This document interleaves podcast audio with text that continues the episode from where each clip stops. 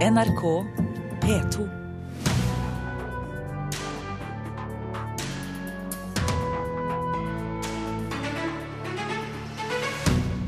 Norges lengstlevende spel har premiere i kveld. Den 60. utgaven av spelet om Heilag Olav er råere enn noen gang. Utenrikskorrespondenter er lei av hetsen de får på sosiale medier. Nå dropper de å delta i diskusjoner på Twitter. Og pilegrimstrafikken til Nidaros vokser, men vokser sakte. Nå vil flere land samarbeide om turismen. Og som seg hør og bør, kommer også fredagspanelet til Kulturnytt i dag, som er ved Thomas Alvarstein Ove. Den 60. utgaven av spelet om Heilag Olav er rå, brutal og full av sex. Norges lengstlevende spel ble første gang satt opp i 1954, og siden den gang har nesten 800 000 personer sett forestillingene. Det er et spel i fortsatt full vigør, som har sin årlige premiere på Stiklestad i kveld. Storfolk har vi på Sul i kveld. Aldri skal denne natta bli glemt.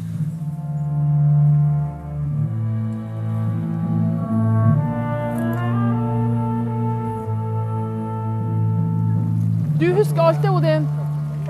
Når han tok tak i deg? Ja, den med lugginga. Ja. Ja, eller at han tar tak i deg, ja. Det er jo det som er kult. Regissør Marit Moe Maune går gjennom scenen med skuespillerne som skal vise at Olav Haraldsson ikke var nådig. Heller ikke mot sin egen bror. Da, bror Harald, da skal hardt møte hardt! Det er jo en tid vet du, hvor eh, kristendommen overhodet ikke har befesta seg i Norge. De menneskene er jo liksom døpt og kristne, men de lever de hedenske. Eh, Det var også en hevnreligion. Det var en av de tunge tingene med det, hvor det og blodhevn var på et vis et krav. Så det er klart det blir heftig både når det gjelder vold og, og, og det er ganske, Jeg tror jeg laga ganske sexy forestilling òg. Hei! Er det ikke Grima som har lært opp ungene i alle reglene fra gammelt av? Er ikke de plikt å så etter da? Årets utgave av Norges lengstlevende spel er råere og spiller mer på sex. Moum Aune ønsker nemlig å komme nærmere virkeligheten som den var i 1030. Stykket er en brytning mellom den gamle hedenske trua, som var ekstremt fruktbarhetsorientert, og hvor, eh, hvor eh, Altså, for å si det sånn en av de tingene de tilbad her, vet vi, den de kalte volse. Det var en innpakka hestepenis med krydderurter. Det holdt de i husene sine og brukte ritualene sine. Det bruker vi i forestillinga. Eh, Det å dyrke fruktbarheten, eh, mennesk, avkom og også grøden på jorda, det hang nøye sammen i en syklus. Og den ble på mange måter brutt opp av kristendommen.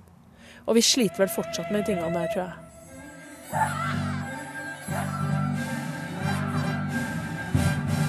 Oppi den gresskledde bakken ligger gårdsfolket og simulerer sex.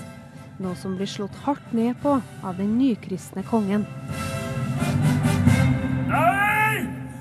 Nei! Nei! Nei! Spelet om Heilag Olav handler om brytningstida mellom hedendom og kristendom, om bondefamilien på Sul som plutselig får kongshæren inn på gårdstunet. Spelet ble første gang satt opp i 1954, og feirer nå sitt 60. år. Forfatter og spelkjenner Yngve Kvistad mener den enorme dugnadsviljen er en viktig årsak til at spelet har levd så lenge. Det andre er selvfølgelig spelet seg sjøl. Eh, Pål Okkenhaugs formidable musikk, og så er det Ola Gullvågs eh, tekst. da. Det er mange, det er mange myter om, eh, om Gullvågs eh, drama. At det skal være både grunt og dramaturgisk dårlig og, og flatt og sånn, men det viser seg jo at det er jo ikke riktig. Det at spillet har overlevd i 60 år, er jo, en, er jo et bevis på at eh, det innehar så mange kvaliteter og er nærmest utømmelig som tolkningsgrunnlag og som forelegg.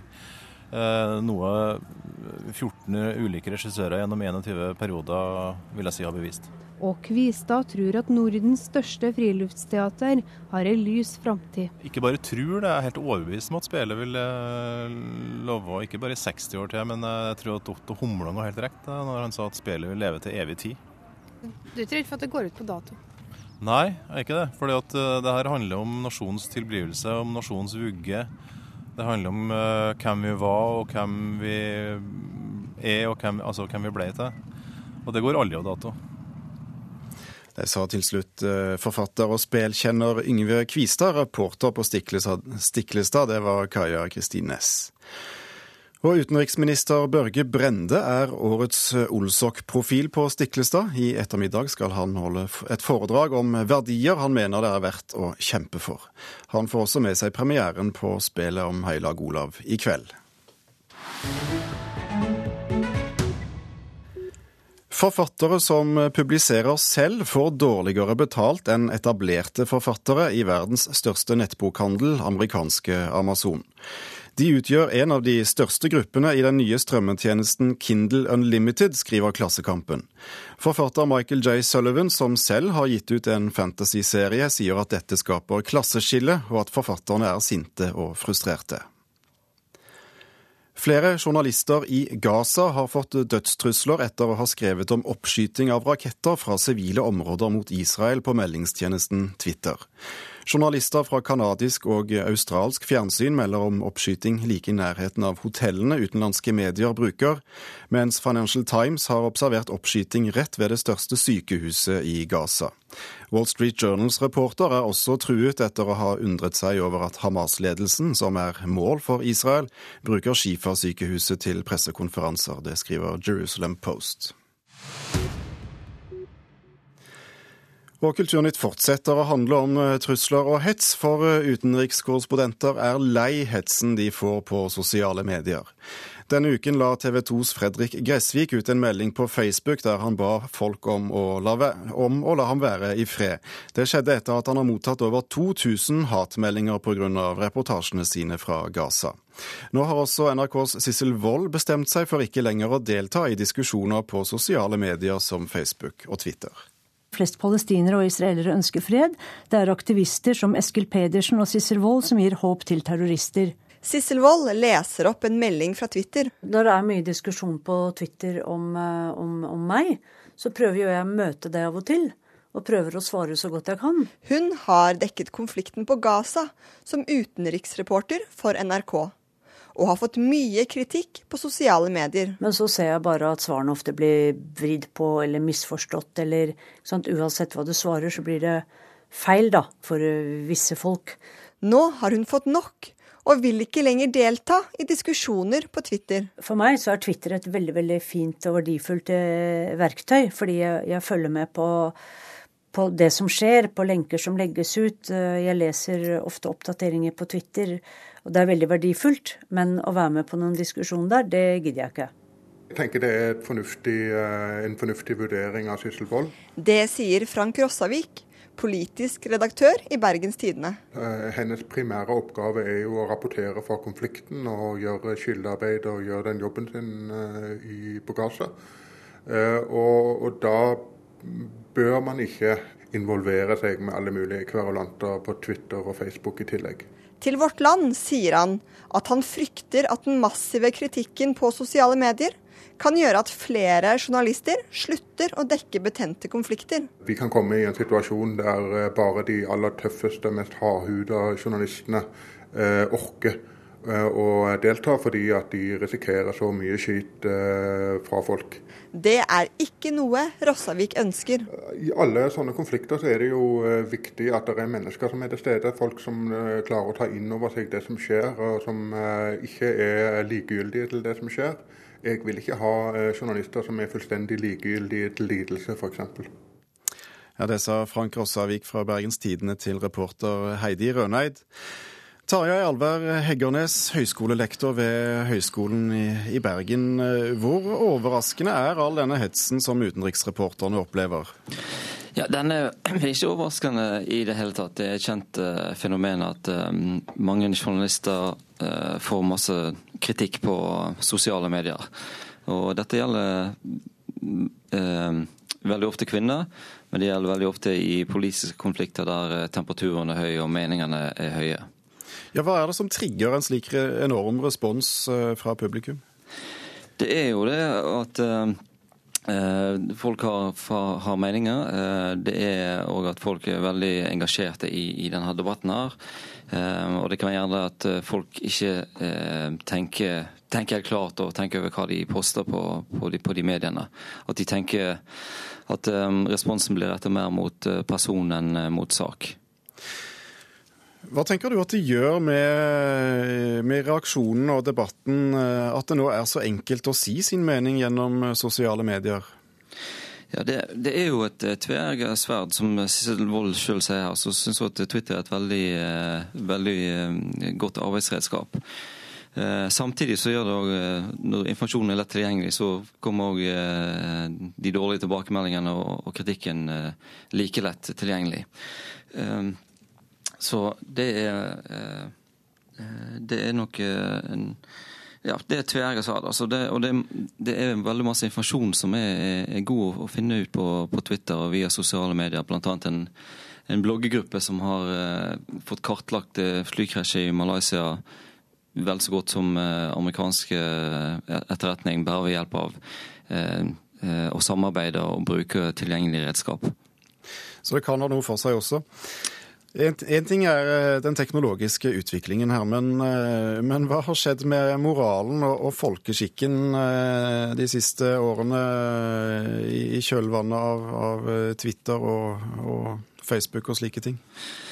Ja, det, Jeg hadde jo kanskje håpet at moralen og folkeskikken hadde blitt litt bedre på sosiale medier. fordi at For en fem-seks år siden så var det gjerne forståelig at folk ikke forsto omfanget av det å poste sånne ting på sosiale medier.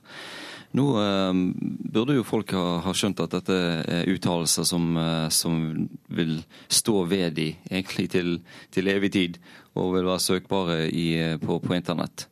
Eh, det som vi ser jo, det er at eh, den yngre garden går jo litt vekk fra disse åpne forumene og inn på mer lukka forum. Sånn at eh, på sikt så vil det gjerne bedre seg litt igjen. men eh, det er lov å håpe at eh, folkeskikken blir litt bedre. Eh, at folk tenker seg litt bedre om. Kan eller bør journalister eh, gjøre noe for å forebygge slik sjikane, eller må vi bare lære å, å leve med det? Nei, det er, det er, jo litt forskjellige måter å, å, å, gjøre det på. Men i hovedsaken så må jo en jo bare ta det sånn som det er. En løsning er selvfølgelig å, å ikke involvere seg i debatter. En ting som mange gjør, det er å følge med og iallfall på Facebook-profil og sånt, å blokkere eh, folk, folk, som kommer med trusler, eh, slette meldinger som ikke er saklige. En del journalister har på sine profiler en, uh, har valgt å ha en veldig sånn streng faglig profil på, på, i, i, sosiale medier for måte å slippe å, å komme rett og slett inn på det personlige. Tarjei Alvær Heggernes, eh, ekspert på sosiale medier og høyskolelektor ved Høgskolen i Bergen. Tusen takk for at du var med oss i Kulturnytt denne morgenen. Takk skal du ha. Du lytter på Kulturnytt, altså, i NRK P2 og Alltid nyheter. Klokken har blitt 16 minutter over åtte, og dette er overskriftene nå.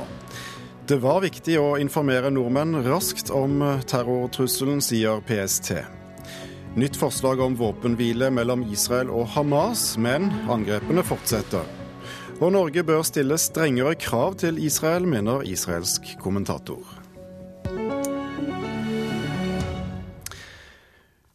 Vi skal eh, på sett og vis tilbake til Olav den hellige, for en rekke nye land er interessert i å samarbeide med Trondheim om eh, pilegrimsvandringer. Nasjonalt pilegrimssenter har i lengre tid forsøkt å få til en satsing på pilegrimsturismen, og ser nå en svak vekst. Men det er krevende å få reisende til å bli kjent med pilegrimsleden til Nidaros, sier Katrine Ronkale, daglig leder ved Nidaros pilegrimsgård. Det är ju en, en ting som tar lite tid. Det tar ju ting, eh, tid att inarbeta ett koncept helt enkelt. Och jag tror att de som har varit här tidigare, de sprer till sina vänner hur det är att gå här och får eh, den positiva upplevelsen. Så jag tror att det blir mer sånn mun-til-mun-metoden for de pilgrimer som har vært her. Plus at det gjør jo flere olika insatser for at utenlandske pilegrimer pilgrimer skal ska bli kjent med Nidaros og pilegrimsveiene opp hit. Så vi gjør flere tiltak på det. Det forteller daglig leder ved overnattingsstedet Nidaros pilegrimsgård, Katrine Ronsale. Ved Nasjonalt pilegrimssenter treffer vi Berit Lånke. Hun har jobba med turisme knytta til pilegrimsleden i 30 år. Satsinga de siste årene bærer frukter, om enn små. Ja, Nå ser vi at eh, det begynner å ligne mer på det vi har i Santiago de Compostela, hvor folk går tur og definerer seg som pilegrim. Men vi ser også at det øker med pilegrimer som ønsker å ha en eh, meditativ eller åndelig vandring til Nidaros. Så det betyr vel at vi begynner å bli et eh, skikkelig pilegrimssted med en skikkelig pilegrimsled. Og vi vet jo at vi er en av de tre store i Europa nå. Pilegrimsleden til Nidaros og historien knytta til Olav den hellige har bånd til flere land. Berit Lånke sier det nå er økt interesse for å samarbeide om pilegrimsturismen. Vi ser en veldig stor interesse fra de andre nordiske landene. Eh, og Det handler nok også om at de oppdager sin egen plass i forhold til Sankt Olav og det vi gjerne kaller for Olavsarven. Spesielt har Finland vært på banen. Finland eh, ser veldig tydelig at de har en vei tvers igjennom som pilegrimer har brukt i gammel tid for å komme seg til Nidaros. Um, og også dette gamle vikingriket i Novgorod um, i Russland, uh, som da knytter seg til Finland, ønsker å være med på dette, denne satsingen. Men i tillegg til det så er det også en helt klar interesse fra Island, som har både pilegrimsleder og klar, uh, et klart eierforhold til uh, St. Olav, eller Olav den hellige. Eh, og det samme gjelder Færøyene. Husk på at Færøyene i 1000 år har feiret sin nasjonaldag på nettopp Olavsdagen. Og derfor har en helt eh, klar eh, nærhet til Olav den hellige. Det sa eh, Berit Lånke ved Nasjonalt pilegrimssenter. Reporter i denne saken det var Morten Karlsen og Runa Rød. Og da har Fredagspanelet satt seg på plass i studio. Riktignok eh, noe redusert i sommervarmen, men Nina Kristiansen, redaktør for forskning.no, og musikkjournalist Arild Rønsen er friske og raske. God morgen til begge. God morgen. Vi går like greit i gang med første tema. For på nytt har debatten blusset opp om den såkalte nazibautaen på Stiklestad skal graves opp eller ikke. Det ni meter høye monumentet ble avduket av Vidkun Quisling under krigen, men ble veltet og begravet etter frigjøringen. I flere tiår har debatten likevel gått om bautaen skal frem i lyset. Bør bautaen graves opp? Nei. Nei. Nei. Hvorfor ikke det, Kristiansen? Nei, altså For det første så tenker jeg det at det er de som levde gjennom krigen. altså Enten det var eh, aktive motstandsfolk, eller om de var vanlige borgere eller barn. altså Det er de som må avgjøre hvor vondt det gjør, da, eller hvor krenkende det er å, å grave opp den bautaen. Uh, de det var deres krig. Det var ikke oss som leste om det i historiebøker eller har liksom fått det gjenfortalt av besteforeldre og, og foreldre. Så jeg tenker at det er dem sin uh, bestemmelse. Og så, for det andre, så tenker jeg at vi da som ikke har levd gjennom krigen, vi trenger jo også kanskje en påbegynnelse om vår krig, altså noen minner fra vår krig. Og da syns jeg det at en, en, en, bauta som er gravd ned altså Det sier jo noe om hvilke rasende folk med masse følelser som gravde ned et helt monument. Jeg tenker at Sånne påminnelser trenger vi i en verden som er i krig. Vi tenker, kanskje vi får litt mer medfølelse for andre land som er i krig, eller som kommer hit som krigsflyktninger. da. Enig i det, Rønsen? Er helt enig. Jeg hørte Agnes Moxnes her i radioen i går sa det at det, det fins kanskje noe sånn kulturell verdi her, sånn, her gjelder den bautaen. At den, det kanskje er ja, at den har en slags eh, sånn kunstnerisk verdi. men men, men det bakgrunnen, så vidt jeg har lest meg til, da, er jo at dette her var et svært naziting på Stiklestad med 3000 mennesker. Og nærmere å reise en bauta over Quisling kommer man nesten ikke. Og jeg kan ikke begripe at det skal være oppgave for oss i dag. Men vi bevarer minnesmerker etter romerske keisere, Napoleon og andre eh, historiske krigshissere. Er nazismen i en egen liga? Eller du kan jo ta Olav den hellige, da. Han var jo ikke akkurat noe Søndagsskolebarn. Han var jo, eh, hva han kaltes her på NRK, en massemorder. Mm. ikke sant? Det var jo ikke få han tok livet av i, når han feide over landet. Men, men dette har jo noe med tid å gjøre. ikke sant? At de som levde under første, nei, andre verdenskrig verdenskrig, de lever fortsatt i dag, i hvert fall barna deres, eller de som var små barn under krigen. Og, og da tenker jeg at kanskje det må gå en generasjon til da, for at vi som har indirekte minner, skal kunne bare liksom se på det som et kunstverk. Fordi det klarer jo da helt tydelig ikke dem når det er så sterke diskusjoner. Det er i grunnen jeg, jeg får ofte minna meg på sjøl at jeg egentlig er mot sånne bautaer i det hele tatt. Altså statuer og sånne ting. fordi at det, altså, I sin tid så var Stalin og Lenin veldig populære. Også. de fikk mange statuer. Og så går det to generasjoner, og så skal de rives ned. Det er bare, egentlig, Jeg har kjempa for én statue. Det er Karoline Kristiansen, som led av fyrstikkarbeiderstreiken på, på slutten av, av 1800-tallet som ikke har fått statue ennå. Og hun hadde gjerne gitt deg kronene til for at vi skulle fått opp en statue. Du får jo fortsette å jobbe for det mens vi går videre til å, å snakke om selvhjelpsbøker. For én av fem som søker om stipend til å skrive sakprosa, søker nettopp om å få skrive selvhjelpsbøker. Coachinglitteratur, som mange gjerne kaller det, det selger svært godt. Men kan vi lese oss til å bli et bedre menneske? Eh, nei. Ja. Ja. Ja. ja. Ja, jeg syns det er litt sånn snobbete å se ned på selvhjelpsbøker. Altså fordi at Hvis du ser på da kultureliten, syns det er helt greit å lese franske filosofer for å bli et bedre menneske, eller å lære å skrive via bøker, eller lære å strikke via bøker. Men hvis det handler da om seg selv eller et eller annet altså Jeg leser jo ikke sånne bøker sjøl, men, men det kan jo ikke være noe gærent i å lese seg til å bli et bedre menneske. Klasseskille, Rønsen? Ja, jeg skjønner argumentet veldig godt, det. Og nå er du litt sånn elitistisk av deg sjøl, og skjønner at andre kan gjøre det, men jeg leser ikke sånne bøker. Ja, men eh, nei, altså, jeg, jeg mener man kan lese seg til kunnskap. Selvfølgelig. Altså, jo mer man leser, jo klokere blir man. Uansett omtrent hva man leser. Men eh, altså, jeg bor oppe på Valle, ved siden av Valle Hovin, der hvor det er sånne alternativmesser hvert år og står på balkongen og morer meg av å se alle disse damene som kommer med dingledangler rundt halsen og i gule og lilla og grønne, lange kjoler og, og, og driver med så mye rart, etter min oppfatning. Da. Og jeg, jeg, vil jo ikke, jeg vil ikke forby dem å drive med det, men at, det, at, at de får det bedre i sjela si av å drive med sånne ting, har ikke noe tro på det. Jeg vil si at damer, Er det en myte at det bare er damer som kjøper Nei, disse bøkene? Det stemmer det. Og altså, forskning viser jo det at det er mest damer som er inne i alternativbransjen og som tror på eh, andre sånn type ja, litt sjelelige, litt åndelige ting, da. Men her er det jo også snakk om sånn type selvutvikling og mye psykologi og sånne ting. Det er jo ikke bare sjamanisme eller, eller krystaller, dette her. Så, så eh, det er jo mye sånn sunn fornuft som skrives ned, som nå kalles det coaching, ikke sant. Så, men, men altså, grunnen til at jeg er skeptisk, er vel fordi at eh, det er eh, Jeg er forskningsjournalist, og da er det bare forskning vi tror på?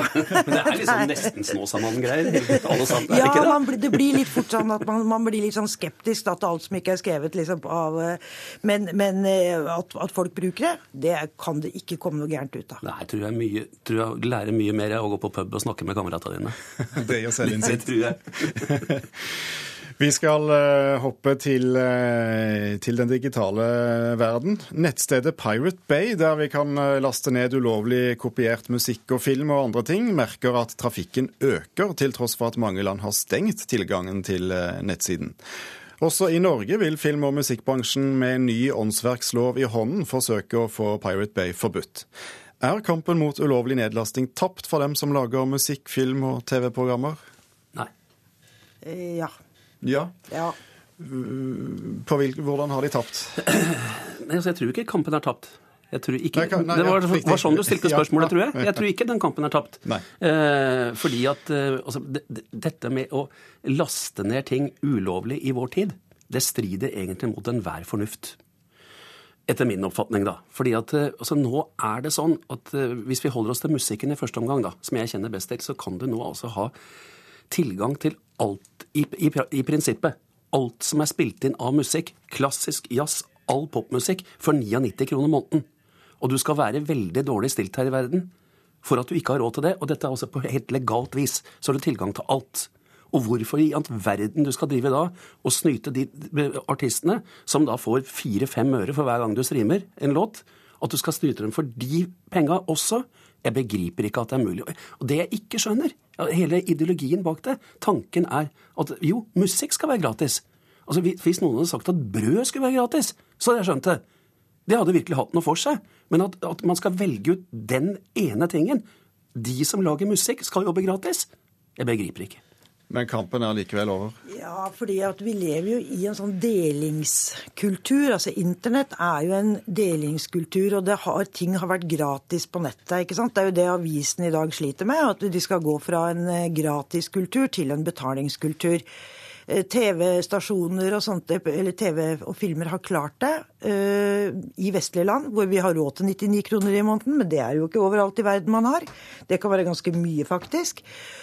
Og så, og så, er det da sånn at eh, Studiene viser jo at disse her folka som, driver, som står bak eh, piratstreamingtjenestene, de gjør det jo av idealisme.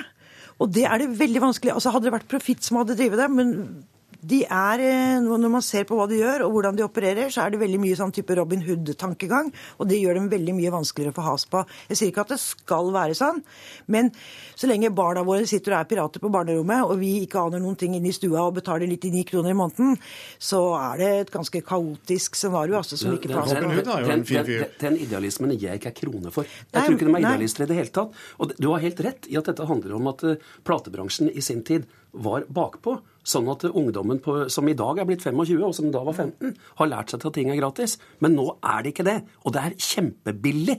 Og Noen argumenterer jo hele tida med at jo, det var jo sin tid lov å kopiere. Jeg kjøpte ei plate, og så fikk kameraten min uh, kopiert den til, på kassettspilleren sin. Men det er noe helt annet enn at hele biblioteket for all verdens musikk ligger fritt til kopiering. Det, er to, det går ikke an å sammenligne. Men er det bare forbud som, uh, som hjelper? Nei, Det er ikke sikkert forbud hjelper, men jeg tror faktisk at det hjelper noe at man, at man greier å stenge enkelte internettadresser. I diktaturer så greier man jo det.